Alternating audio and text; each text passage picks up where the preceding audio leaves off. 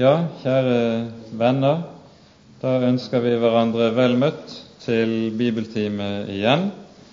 Denne bibeltimen som blir den nest siste før vi tar sommerferie.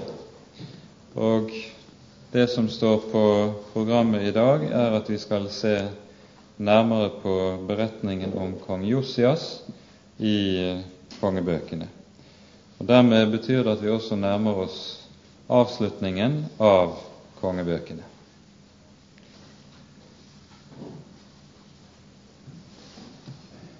La oss be sammen.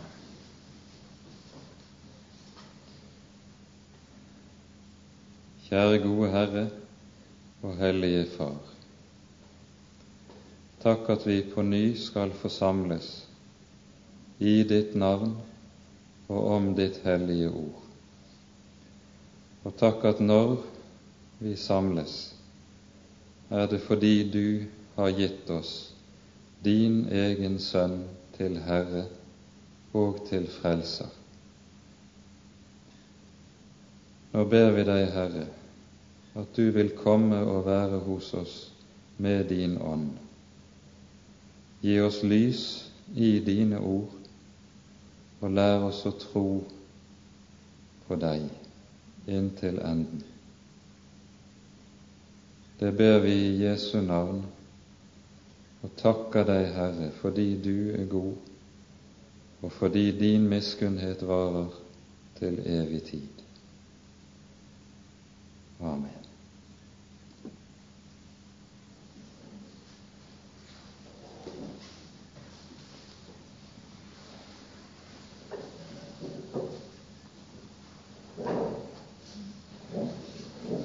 Når vi i dag skal ta for oss beretningen om kong Josias, så tror jeg det vil være greiest om vi i hvert fall for første delens vedkommende stanser opp for beretningen vi finner i 2.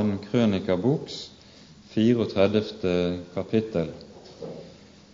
Det er fordi den beretning vi finner om hans første år i hvert fall eh, er meget summarisk behandlet i kongebøkene, men noe mer utfyllende og ikke minst i kronologisk rekkefølge i eh, annen krønikabok. Og Derfor er det bedre for oversiktens del at vi begynner der. Og vi åpner da med å lese noe utover i det 34. kapittel i annen krønikabok. I kapittelet forut hører vi om hvorledes hans far Amon bare regjerte i to år. Han var en såre ugudelig konge, hører vi, og ble da også myrdet av noen av sine tjenere eller nære medarbeidere, hvorpå folket tar og kroner sønnen Josias til konge. Vi leser. Josia var åtte år gammel da han ble konge. Han regjerte 31 år i Jerusalem. Han gjorde det som var rett i Herrens øyne og vandret på sin far Davids veier. Han vek ikke av, verken til høyre eller til venstre. I det åttende år av sin regjering, da han ennå var en ungdom, begynte han å søke Davids, sin fars Gud. Og i det tolvte året begynte han å rense Juda og Jerusalem for offerhaugene og av startebildene og de utskårne og støpte bilder. De rev ned Baalenes altere mens han så på det, og solstøttene som sto oppå dem, hogg han i stykker. Av startebildene og de utskårne og støpte bildene slo han i stykker og knuste dem, og støvet av dem strødde han på gravene til de folk som hadde ofret til dem. Prestenes ben brente han på deres egne altere, og slik renset han Juda og Jerusalem. Og i Manasses og Efraims og Simeons byer, helt til Naftali, og på de øde steder rundt omkring, rev han ned altrene og astartebildene. De utskårne bildene slo han i stykker og knuste dem, og alle solstøttene i hele Israels land hogg han ned. Så vendte han tilbake til Jerusalem. I det attende år av sin regjering, mens han holdt på å rense landet og Herrens hus, sendte han Safan, Asaljas sønn, og byens høvedsmann Maaseia, og historieskriveren Joa, Joakas sønn, av sted for å sette i stand Herrens, hans Guds hus. Da de kom til ypperstepresten Hilkia, ga de ham pengene som var kommet inn til Guds hus.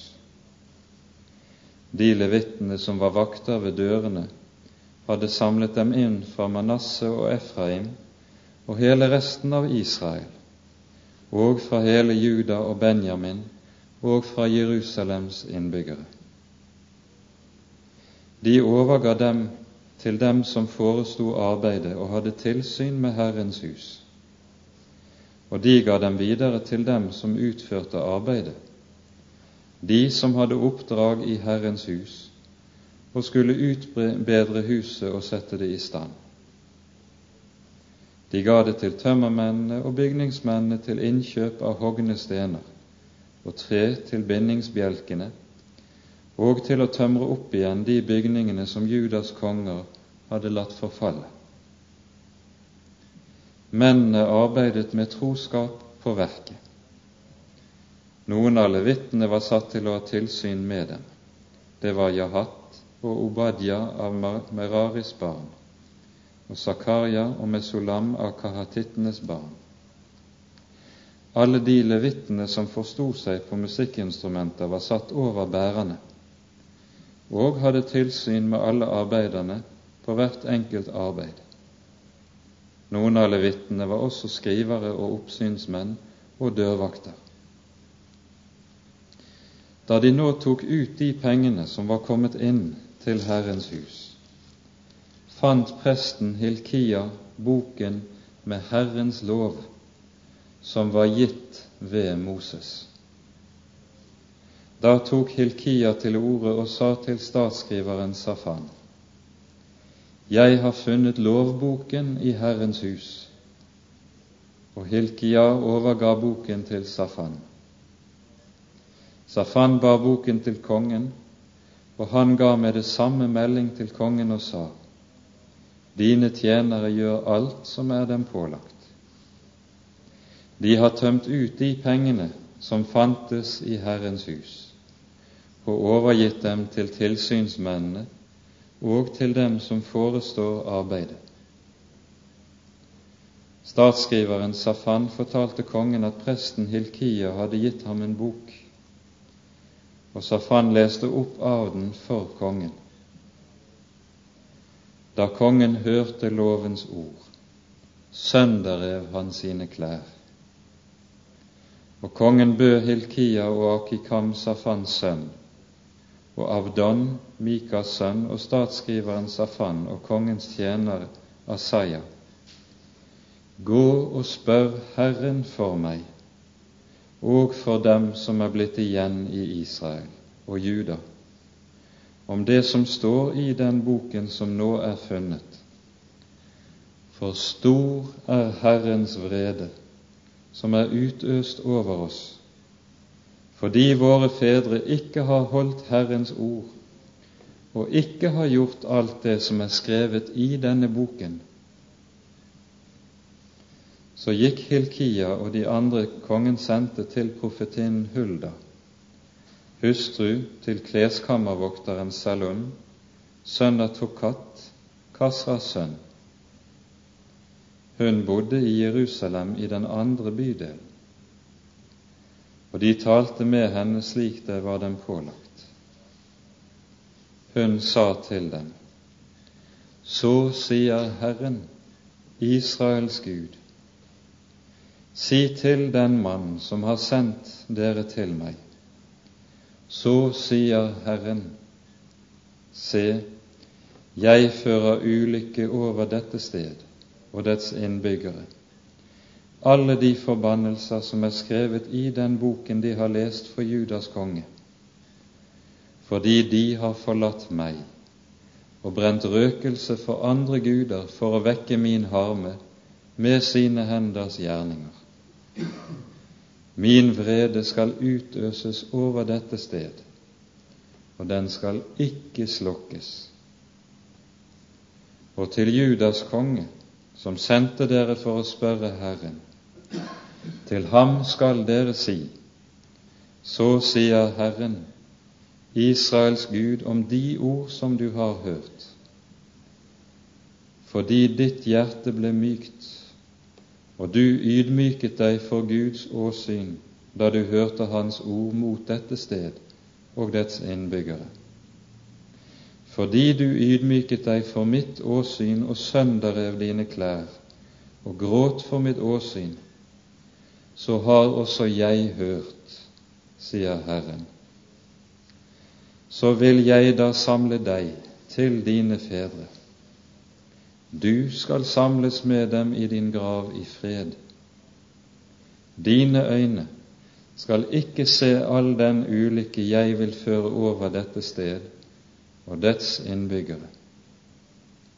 Med dette svaret vendte de tilbake til kongen. Og med det stanser vi så langt.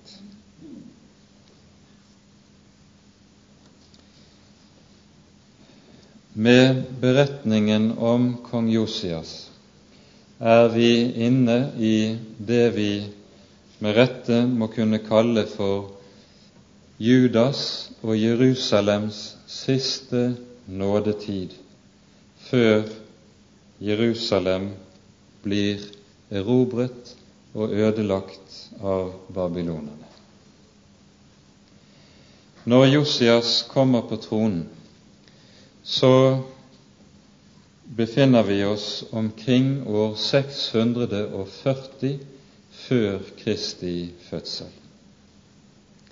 Foran ham har det gått to ugudelige konger som har ført folket ned i et frafall av en slik dybde som gjør at vi var inne på det sist gang folkets religiøse ryggrad må sies å være brukket.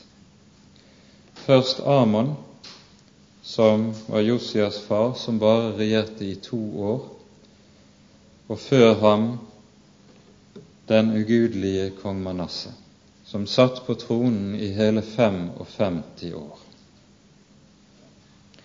Legger vi sammen disse to kongers regjeringstid, 57 år, pluss de tolv år som begynner før Josias påbegynner sitt reformasjonsverk, kommer vi til 69 år, altså tilnærmet 70 år.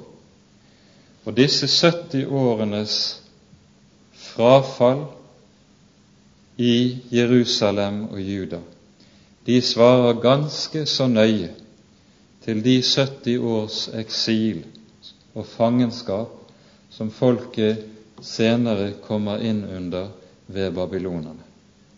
Og Derfor har denne periode på 70 år gjerne også vært kalt for Judas og Jerusalems åndelige eksil. Da falt de så dypt og så langt fra Herren at de var blitt ikke bare et hedningefolk, men profetene klager over at de hadde stelt seg langt verre enn hedningene. I en slik situasjon er det at en mann som Josias kommer på tronen, noe av et Guds under i ordets egentlige forstand. Vi vil huske at da Manasseh besteg tronen, var han bare tolv år gammel, og han ble sittende der altså i 55. Han sto da antagelig i sin unge alder under påvirkning av rådgivere, adel eller stormenn som var omkring ham, som raskt ledet ham ut i hedenskapet og alt dets mangehånde av gudsdyrkelse. Underlig nok skjer det samme ikke med Josias, selv om muligheten skulle være langt, langt større for at den slags stormenn var de som sto omkring den unge kongen. Han er jo bare barnet idet han settes på tronen. Hans mor blir navngitt i kongebøkene. Og antagelig har det vært slik at mors påvirkning er det som har ligget bak at han blir bevart, og at troen på Israels hellige blir noe som blir dypt alvorlig for han etter hvert som ungdomstiden inntrer og han vokser til.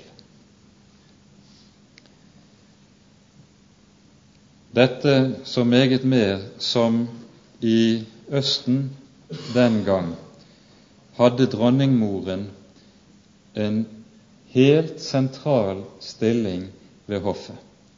Hun ble gjerne rett og slett kalt for herskerinne og hadde den største innflytelse på det som foregikk, også i statssaker. At hun derfor også hadde avgjørende innflytelse på kong Josia i dette stykket, er mulig at det som ligger bak den unge kongens omvendelse, og at han søker å vende hele folket tilbake til Herren. Vi hørte i vers 3 at han i det åttende år av sin regjering begynte å søke Davids, sin fars Gud, 16 år gammel altså. Og i det tolvte året av sin regjering, altså 20 år gammel, er det han begynner sitt reformasjonsverk, som vi hører fortalt om ganske kortfattet i det følgende.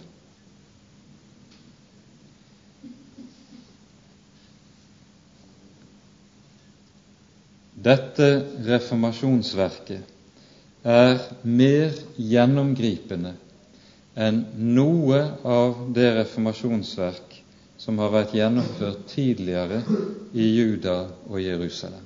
Selv mer dyptgripende og vidtfavnende enn det Hiskia gjennomførte, som vi så nærmere på for et par bibeltimer siden. Derfor får også Josia den attest som vi hører her, som ingen annen konge i Israel har fått. Vi leste i vers 2 at han ikke bare gjorde det som var rett i Herrens øyne. Det sies også om mange andre av kongene. Han vandret på sin far Davids veier. Det sies også om noen av dem. Men at det i tillegg sies han vek ikke av verken til høyre eller til venstre, sies ikke om noen. Heller ikke sies det om noen det som sies om kongen etter at han er død, og som vi hører om i annen kongebok i det 23. kapittelet, som vi skal se på.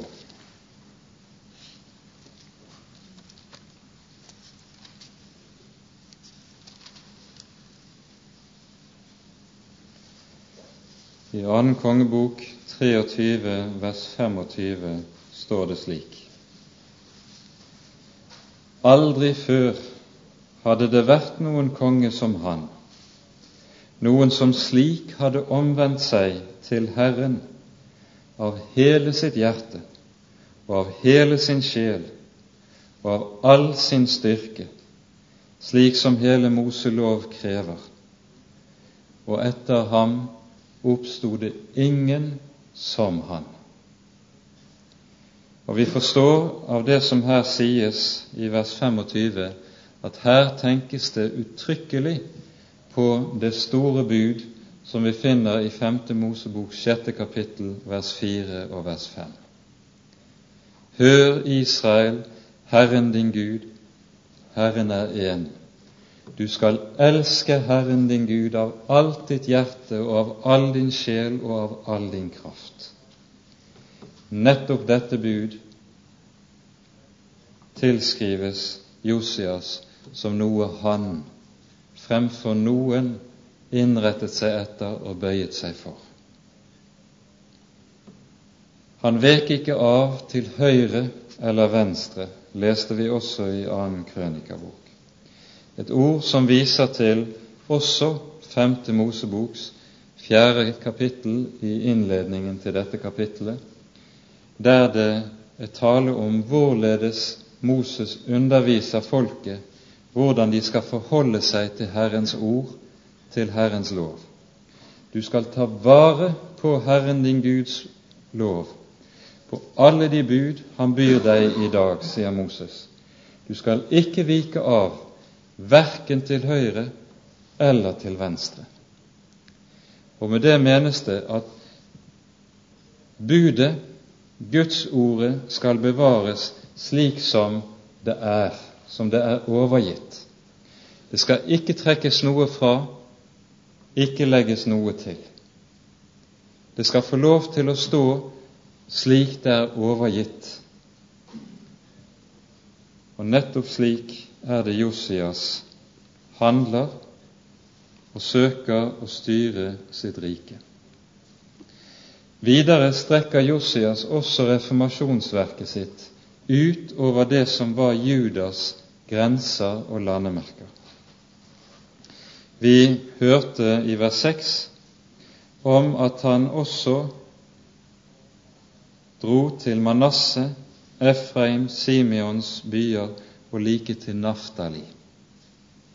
Det vil si til den nordlige grensen i det som var Nordriket Israel, men som nå ikke lenger eksisterte. Der levet det en liten rest av de ti stammer igjen, og det var, ellers var landet for en stor del øde og ubebodd etter asyrernes herjinger. Men også der utstrakte han sin innflytelse og sitt reformasjonsverk. Og Ganske særlig nevnes det én begivenhet som er viktig å merke seg. Dette står ikke omtalt i annen krønikabok, men i annen kongebok 23 finner vi det. Der leser vi slik i vers 15. Han rev også ned alteret i Betel, den offerhaugen som Jeroboam, Nebats sønn, hadde bygget, han som fikk Israel til å synde. Også dette alteret og denne offerhaugen rev han ned. Han brente opp haugen og knuste den til støv, og han brente opp astartebildet. Da Josias vendte seg om og så gravene som var der på fjellet, sendte han folk dit og tok benene ut av gravene og brente dem på alteret og gjorde det urent. Slik oppfylte han Herrens ord, det som en Guds mann hadde ropt ut, han som ropte ut at dette skulle skje. Dere vil huske at i Betel, i Israels, i Nordrikets sydgrense, der reiste Jeroboam den første den første kongen etter riksdelingen, sitt tempel, der han innførte den nordisraelske nye riksreligion, dyrkelsen av kalvene i Betel. Og da Jeroboam den første innviet dette sitt tempel og dette alter, så hører vi i første kongeboks 13. kapittel noe ganske særlig skje. Vi hører om den store folkefesten Jeroboam har tillyst for å feire og for å ofre denne dagen med den nye nasjonalreligionen. Og Så leser vi slik i det 13. kapittel fra vers 1. Da kom der på Herrens bud en Guds mann til Betel fra Juda. Han kom nettopp som Jeroboam sto ved alteret for å brenne røkelse. Og han ropte på Herrens bud mot alteret. Alter, alter, så sier Herren, det skal fødes en sønn for Davids hus, Josias skal han hete, og på deg skal han ofre offerhaugenes prester, de som brenner røkelse på deg og det skal brennes menneskeben på deg. Nå, nå, 350 år senere, går dette løftet i oppfyllelse.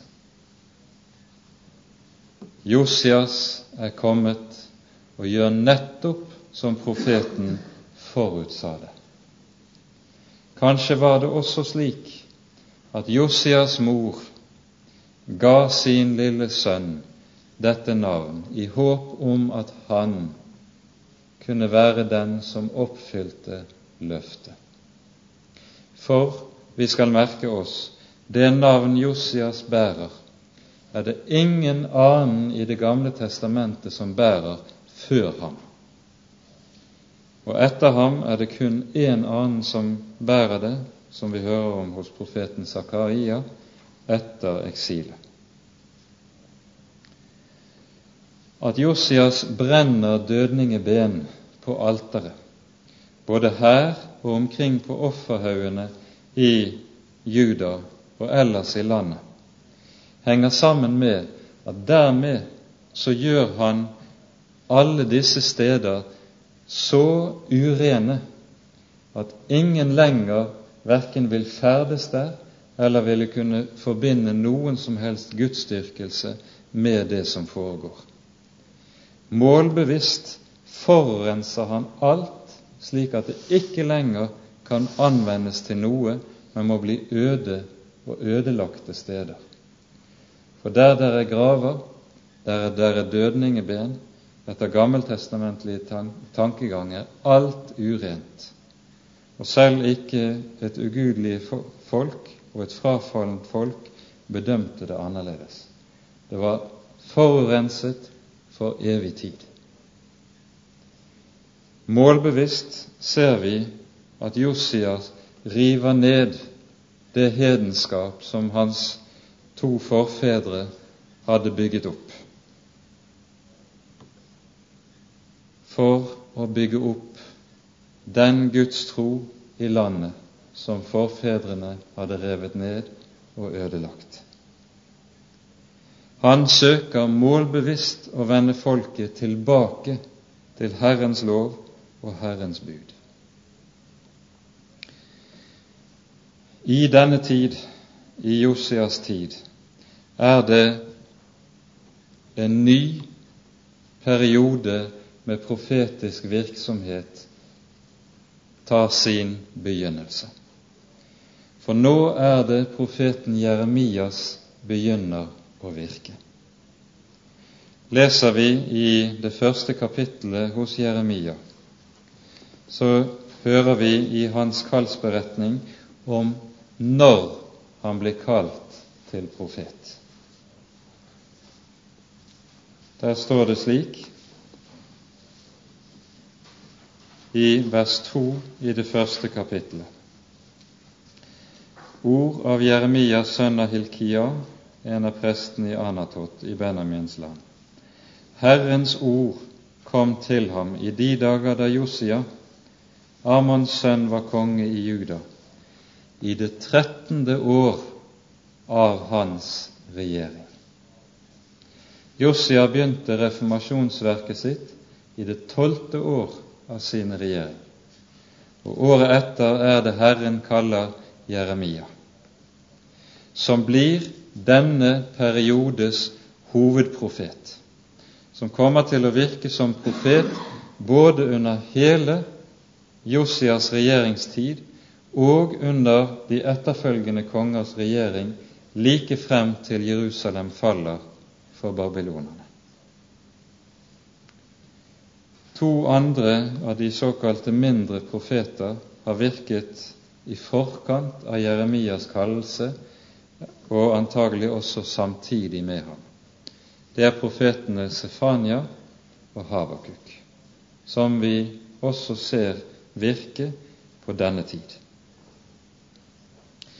Og vi kan godt si det slik at det som var Josias kall og oppgave, var å søke å gjennomføre Moselovens bud på skal vi si riksplan, på det ytre plan, slik at Israel, når det gjaldt den ytre gudsdyrkelse, på enhver måte innrettet seg etter Herrens ord, etter Herrens lov, slik vi finner det i Mosebøkene. Mens det som blir Jeremias kall, det blir å virke for hjertenes reformasjon. For ytre kall, for ytre tvang, ytre nedbryting av avgudsdyrkelsen kan aldri omvende hjertene. Det kan bare Guds ord. Derfor er det Jeremias nå kalles til Herrens profet.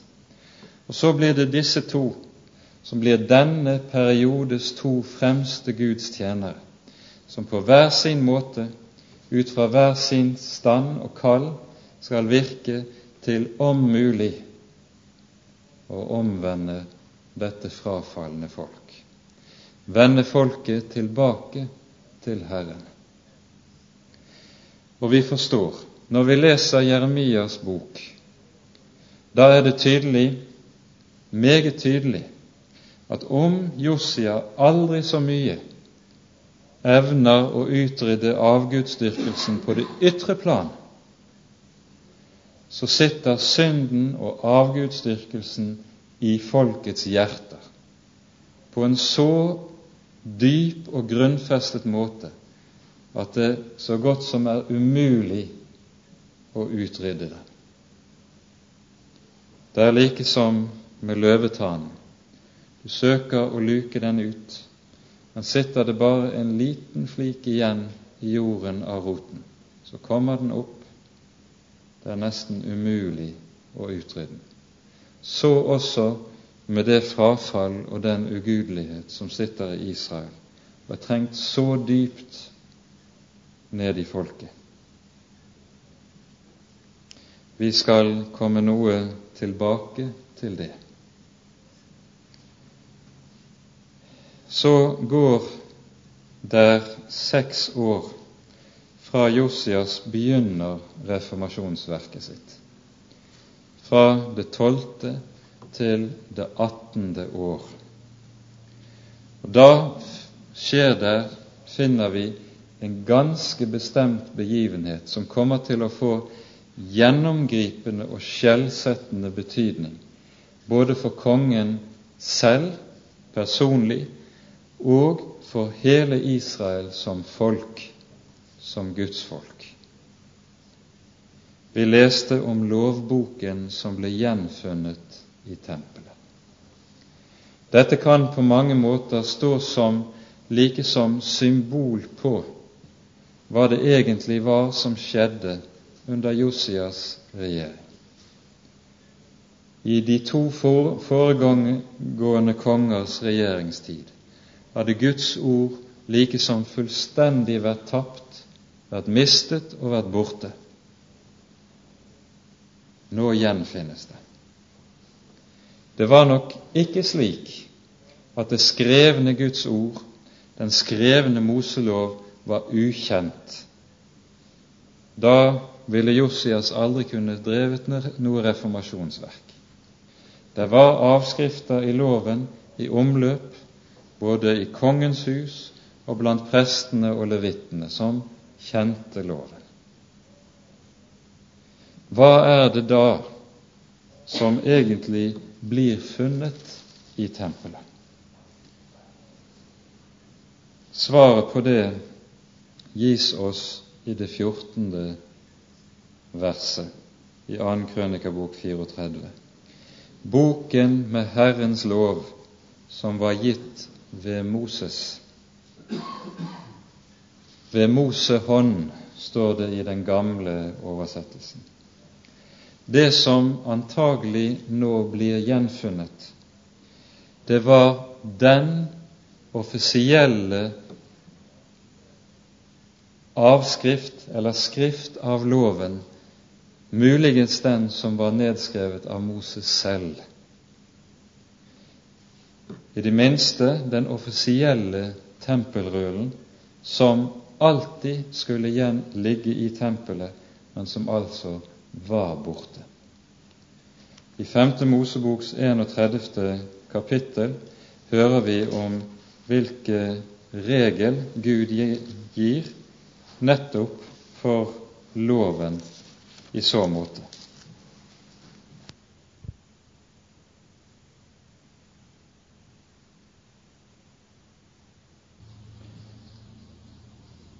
Femte Mose, Mosebok 31 fra vers 24.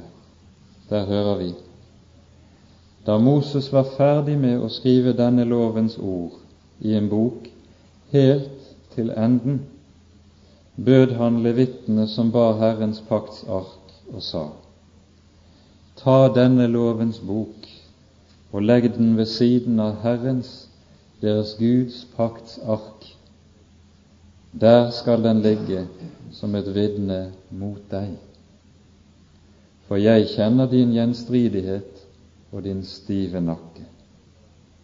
Se ennå i dag mens jeg lever og er iblant dere, har dere vært gjenstridige mot Herren hvor meget mer da etter min død? Det skrevne Guds ord skulle oppbevares i det aller helligste sammen med paktens ark, i paktens ark. Hvorledes denne rull var kommet bort, vet vi ikke. Muligens var det skjedd under Manasses regjering i det forfall som var i tempelet under han, der Astarte og Balstyrkelsen ble en del av tjenesten i tempelet, og at det også hadde rammet denne siden. Eller muligens var det en from prest som hadde gjemt unna rølen når han så forfallet i helligdommen under Manasseh. Hvordan det nå enn var, rølen blir funnet igjen. Og med det blir det likesom en veldig oppvåkning knyttet til dette. De står med Guds eget ord gitt ved Moses i hendene. Og ypperste presten, etter å ha lest og forstå hva han har for seg, gir det til statsskriveren, Safan, som går videre til kongen og leser. Vi er i det attende år av Josias regjering. Og når dette så blir lest for Josias, hører vi hans reaksjon. Han sønderriver sine klær. Dette ord gjør et dypt, dypt inntrykk på kongen.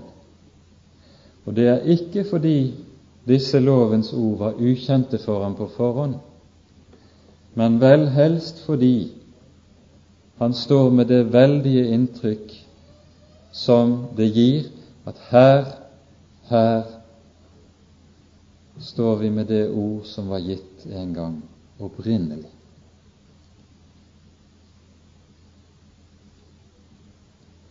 Og Josias forstår Brått går det liksom opp for ham på ny og på en måte som han ikke tidligere har forstått, at det handler ikke lenger i den situasjonen folket er inne i, så handler det ikke lenger bare om å gjenreise den gamle tro, den gamle gudsdyrkelse som var gitt i Herrens ord. Det handler om noe langt mer. Det står om livet for Guds folk. Det det handler om, er at det står om hele folkets eksistens og fremtid som folk. Og fordi han begynner å se at dette folk som han lever midt iblant og er kong, satt som konge over, er et folk som står under Guds vrede, ikke lenger under Guds nåde. Derfor sønderriver han sine klær. Og dette er det inntrykk som dypt setter seg i kongens sinn og de andre som er omkring ham sitt sinn.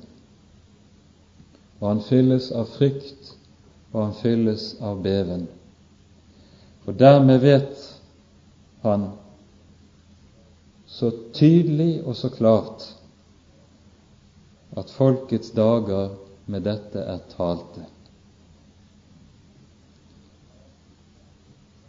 Da er det ikke lenger nok for ham å nøye seg med alminnelige forsikringer om Guds nåde.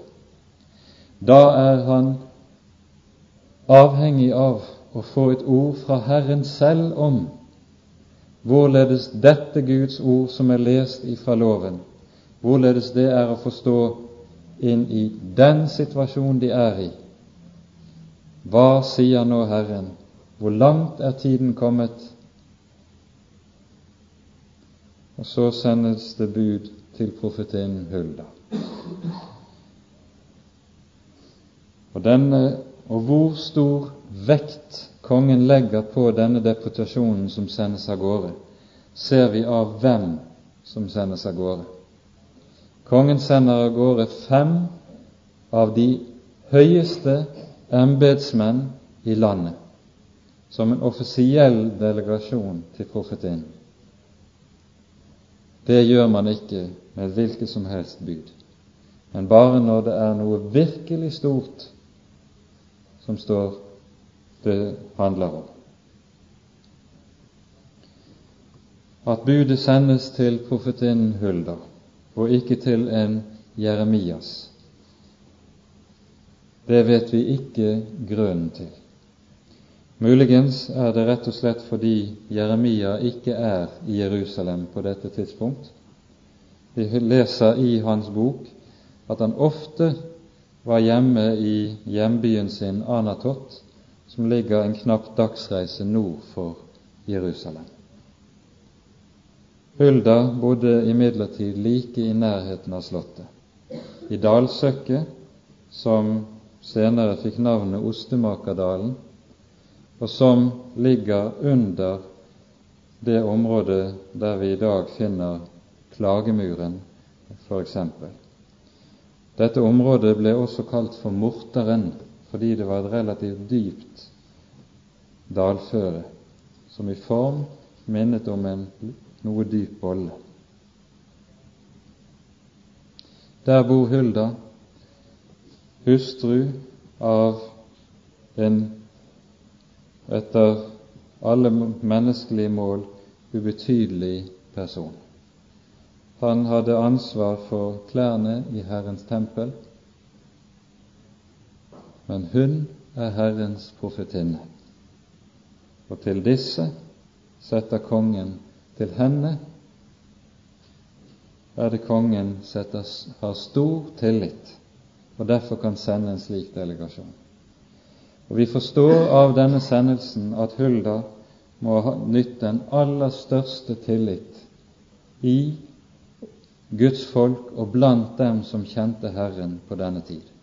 Ellers kunne ikke en slik delegasjon ha vært sendt til henne i stedet for til en Jeremia. Hulda er den tredje kvinnelige profet vi hører om i Det gamle testamentet.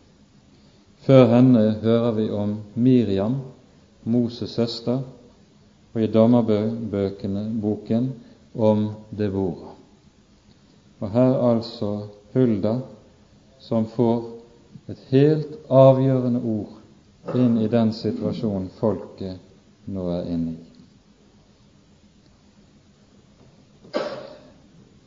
At kongen sender av gårde denne delegasjonen, det er på grunnlag også av Guds eget løfte om at i slike situasjoner skal folket ha lov til å søke og spørre Herren om Hans råd, om Hans ord. Eksempelvis leser vi i Fjerde Moseboks 23. kapittel i beretningen om den underlige Biliam.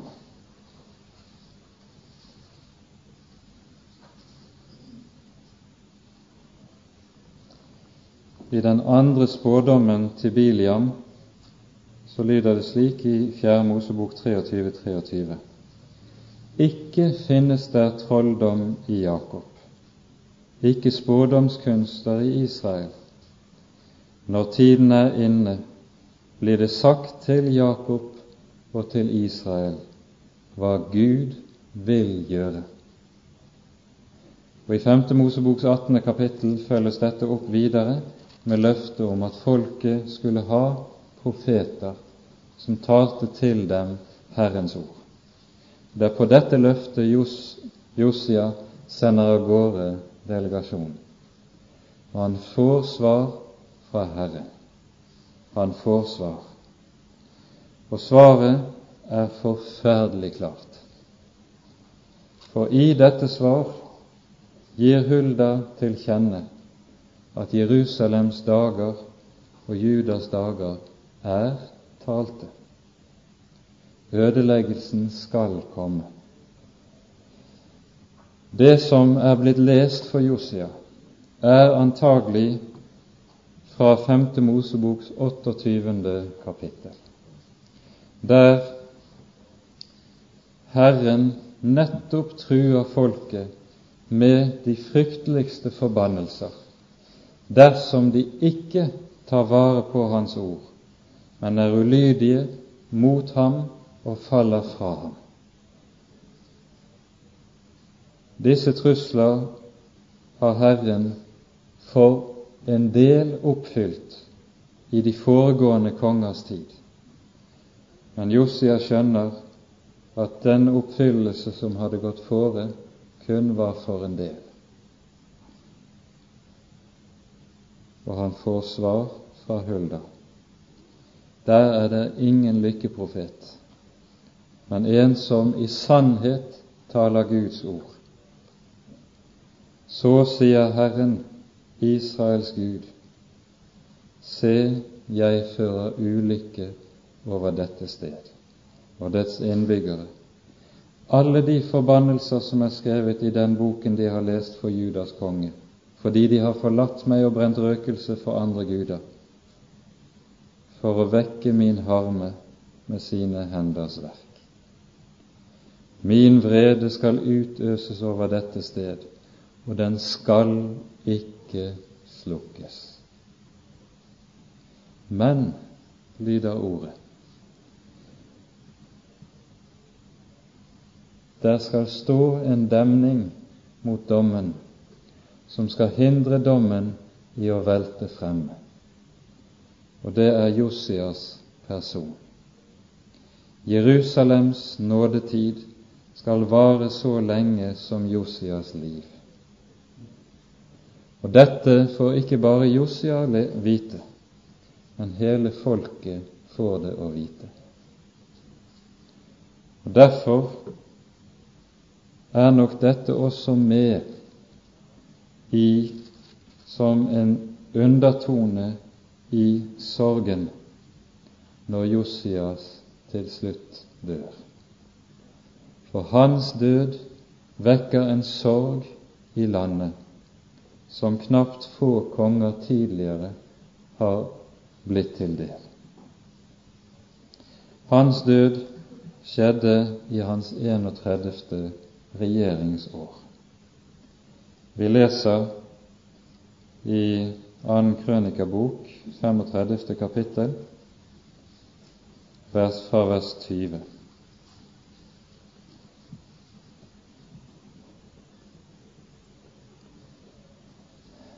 En tid etter at alt dette hadde gått for seg, og da Josia hadde fått huset i stand, dro kongen i Egypt Neko opp for å kjempe ved Karkemish ved Eufrat, og Josia dro ut mot ham.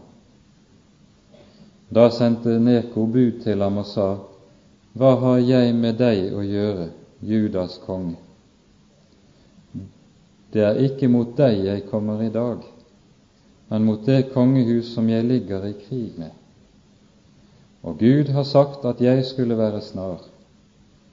Hold opp med å stride mot Gud. Han er med meg, ellers vil han ødelegge deg. Men Josia ville ikke dra bort fra ham. Han forkledde seg og ville kjempe mot ham.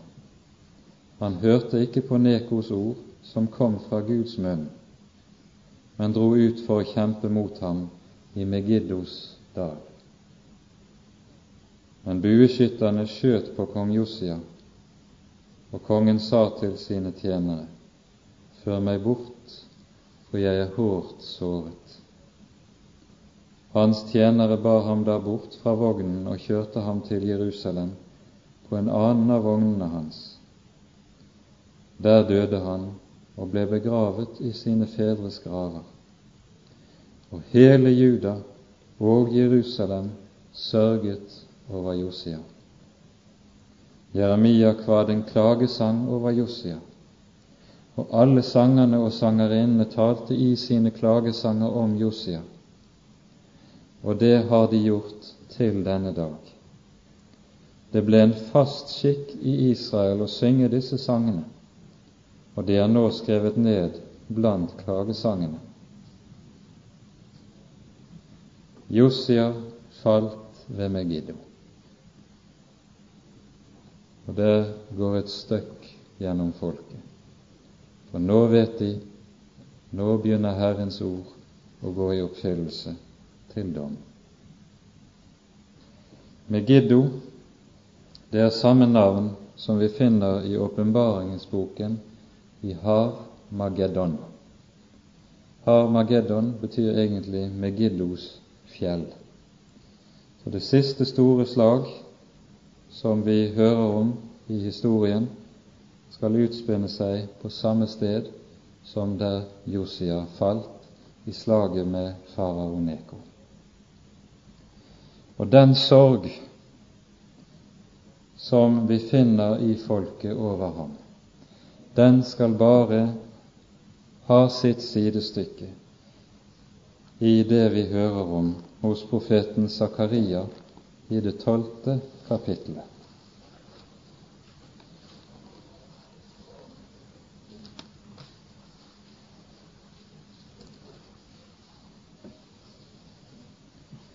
Her hører vi om hva som skal skje i de siste dager, når Guds folk Israel er omringet av alle hedningefolkene alle jordens folkeslag har slått seg sammen for å stride mot dette folk, og de er i en trengsel som de ikke har vært i tidligere noensinne.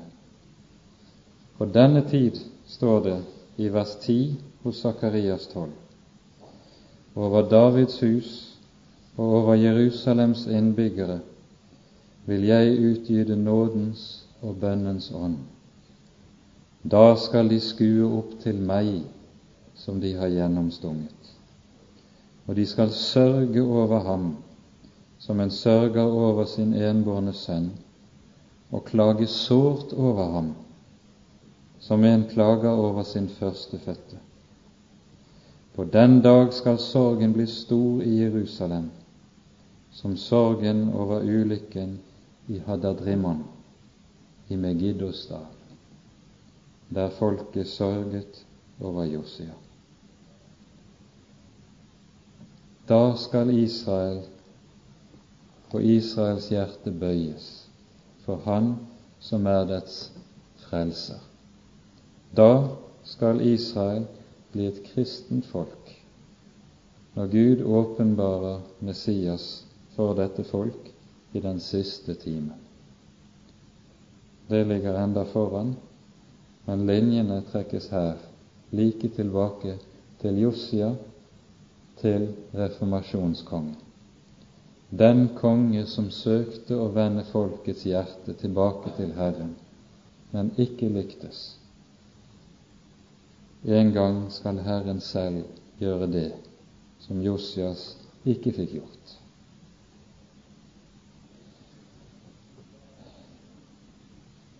I det attende året av Josias regjering skjer det også en annen sak som har umåtelig stor viktighet. Dette attende år kommer derfor til å få en ganske bestemt betydning. Det har vært sagt av sagt slik at dette året på mange måter er fødselsåret for den skriftlærde jødedom. For den jødedom som målbevisst søker å innrette livet etter Moseloven. Tidligere hadde Israel som folk svingt og vinglet mellom hedenskap og Moselov. Men nå fødes likesom skriftlærdommen grunnet på Moseloven. Og Derfor kommer dette attende år i Josias regjering til å bli et tidemerke, slik at når vi leser f.eks. profeten Esekiel, så hører vi at når han kalles til profet, hva gjør han da? Vi leser i hans kallsopplevelse slik Det skjedde i det trettiende året, i den fjerde måneden, på den femte dag i måneden mens jeg var blant de bortførte ved elven Kebar, at himmelen åpnet seg. På den femte dag i måneden, det var det femte året etter at kong Jojakin var blitt bortført, kom Herrens ord til presten Esekiel. Det trettiende år hørte vi, det femte år av kong Jojakins regjering. Det er 30 år etter Josias 18. år. Profeten Esekiel tar likesom og starter en ny tidsregning med utgangspunkt i dette året. Så stor betydning tilla profeten det, og så stor betydning har det også i jødisk tenkning og tradisjon. Det er viktig å være oppmerksom på det. Det Josias da gjør, nemlig, det er at han etter å ha renset tempelet ferdig, så samles hele folket i tempelet. De feirer påske i tempelet. Og aldri hadde feir, vært feiret noen påskehøytid som dem, som denne, siden Samuels, dommerens dager, hører vi. Og mens folket er samlet til høytid der, søker Josia å fornye pakten som var inngått med, mellom Gud og folket ved Sinai, og som vi leser i 2. Moseboks 24. kapittel. Josia søker på enhver mulig og tenkelig måte å vende folket tilbake og gjenopprette det som er blitt ødelagt i de foregående 400 år. Han sparer ingen anstrengelser. Men når vi leser Jeremias profeti, så hører vi om hvorledes hjertene er født. Og Kanskje vi da skulle hoppe til Jeremias bok syvende kapittel.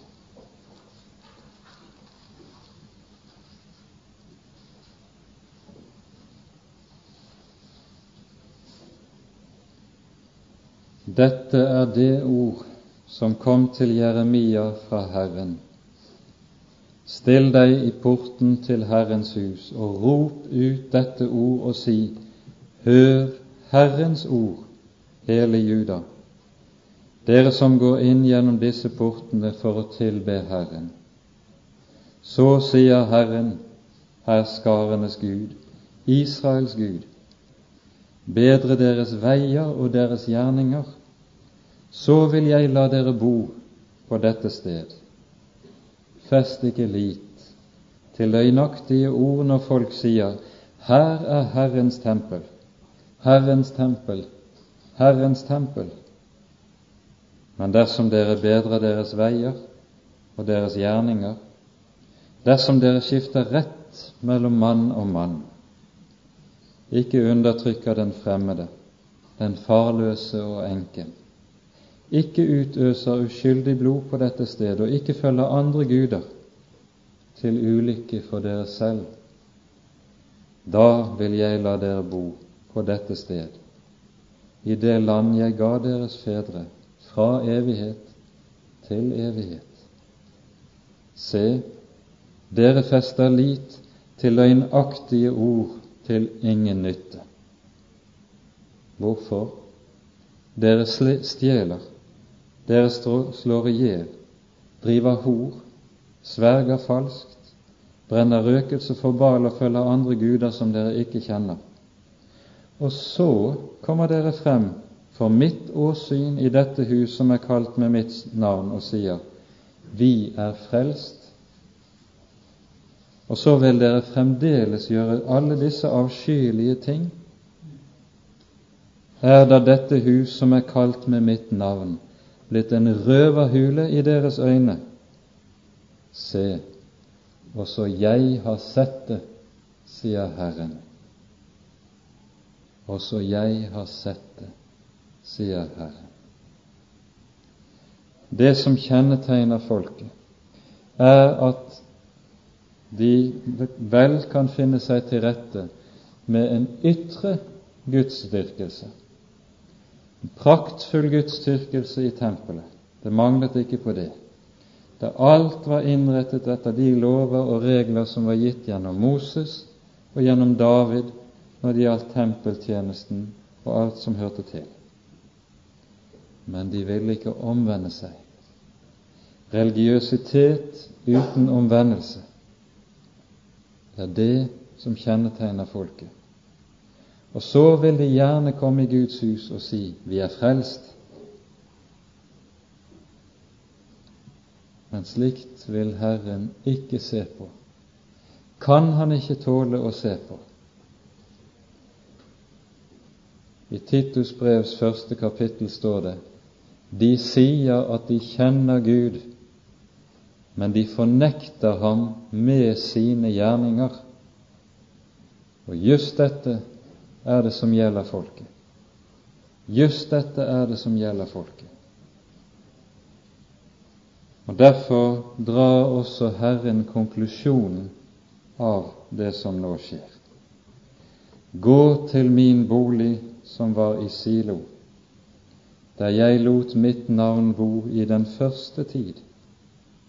Se hva jeg har gjort med det på grunn av Israels ondskap. Hva er det Jeremia dermed viser til? Jo, tabernaklet sto i Silo. Der virket Eli som ypperste prest, Samuel som dommer og profet. Men Israel ville ikke vende om. Hva gjør Herren? Han ødelegger helligdommen, la arken føres bort i fangenskap hos filistrene, og dermed er hjertet borte. Helligdommen lar Herren rive ned når folket ikke vil vende om. Og nøyaktig det samme, sier Herren, skal nå skje i Jerusalem. Og nå, fordi dere gjør alle disse gjerninger, sier Herren, enda jeg talte til dere tidlig og sent, men dere hørte ikke, og jeg kalte på dere, men dere svarte ikke.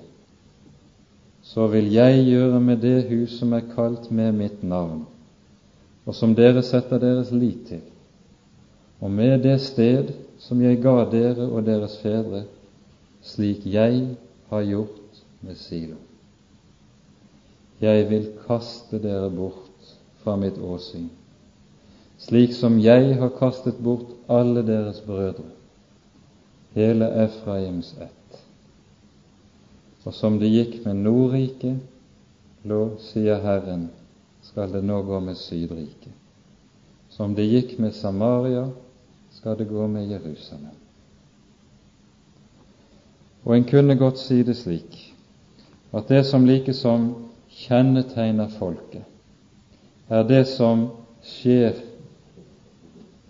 og som vi hører om i Jeremias 36. kapittel. Jeremia har på Herrens befaling skrevet opp alle de ord Herren har gitt ham i en bok. Lest det for folket, noe som fører til de voldsomste reaksjoner blant folk. For dette vil de ikke tåle å høre. Er vi ikke Guds folk? Har vi ikke Guds tempel? Er ikke Gud med oss? Hvordan tør du da tale slik? Og så leser vi at boken blir fratatt Jeremia og Baruk, og de tar boken med profetien med til kongen. Og nå er det en annen konge, kong Jojakin, en såre, hårhjertet mann som sitter på tronen etter Josia. Vi leser fra vers 20. Så gikk de inn til kongen i forgården men rullen la de ned i statsskriveren Elisamas rom, og de fortalte alt dette til kongen. Da sendte kongen Jehudi av sted for å hente rullen, og han hentet den fra statsskriveren Elisamas rom. Jehudi leste den opp for kongen og alle høvdingene som sto hos kongen. Kongen satt i vinterhuset, for det var den niende måned, og det brant ild i et fyrfart foran ham. Hver gang Jehudi hadde lest opp tre eller fire blad, skar kongen dem av med en pennekniv og kastet dem på ilden i fyrfatet, til hele rullen var oppbrent av ilden i fyrfatet. Og de var ikke forferdet og de sønderrev ikke sine klær, verken kongen eller noen av hans tjenere som hørte disse ord. Josias var den som bøyet sitt hjerte, hvis hjertet ble bløtt for Herren, som kongebøkene uttrykker det. Men Jojakken, og med han hele folket, gjorde sitt hjerte hårdt mot Herren og mot Hans ord, og steller med Guds ord nettopp på dette vis. River det i stykker, kaster det på ilden for om mulig tilintetgjøre det og ødelegge det. Det er ord som aldri kan ødelegges. Men de fikk oppleve at det ord ikke kunne ødelegges. Det ord sto fast. Herren sto ved sitt ord, våket over det til å fullbyrde det. Og vel hadde det kanskje vært slik i Israel i de 350 år etter at Jeroboam reiste alteret i Betel, og den Guds mann hadde talt mot alteret, at Guds folk resten som holdt fast på ordet, ofte hadde undret seg. Når vil ordet oppfylles? Når vil Han komme som Herren har lovet? Og kanskje har resignasjon, kanskje har motløshet preget dem, for det har synes som om det skulle være umulig at dette ord gikk i oppfyllelse. Men Josia kom når tiden syntes aller mest umulig, og Herrens ord ble oppfylt. Og så ble dette et vitnesbyrd om at Han som er Herre, står ved sitt ord. Himmel og jord skal forgå, mens Hans ord skal ikke forgå. Og det fikk både Jojakin og hele Israel snart sanne, noe vi skal være sammen om neste gang. Amen.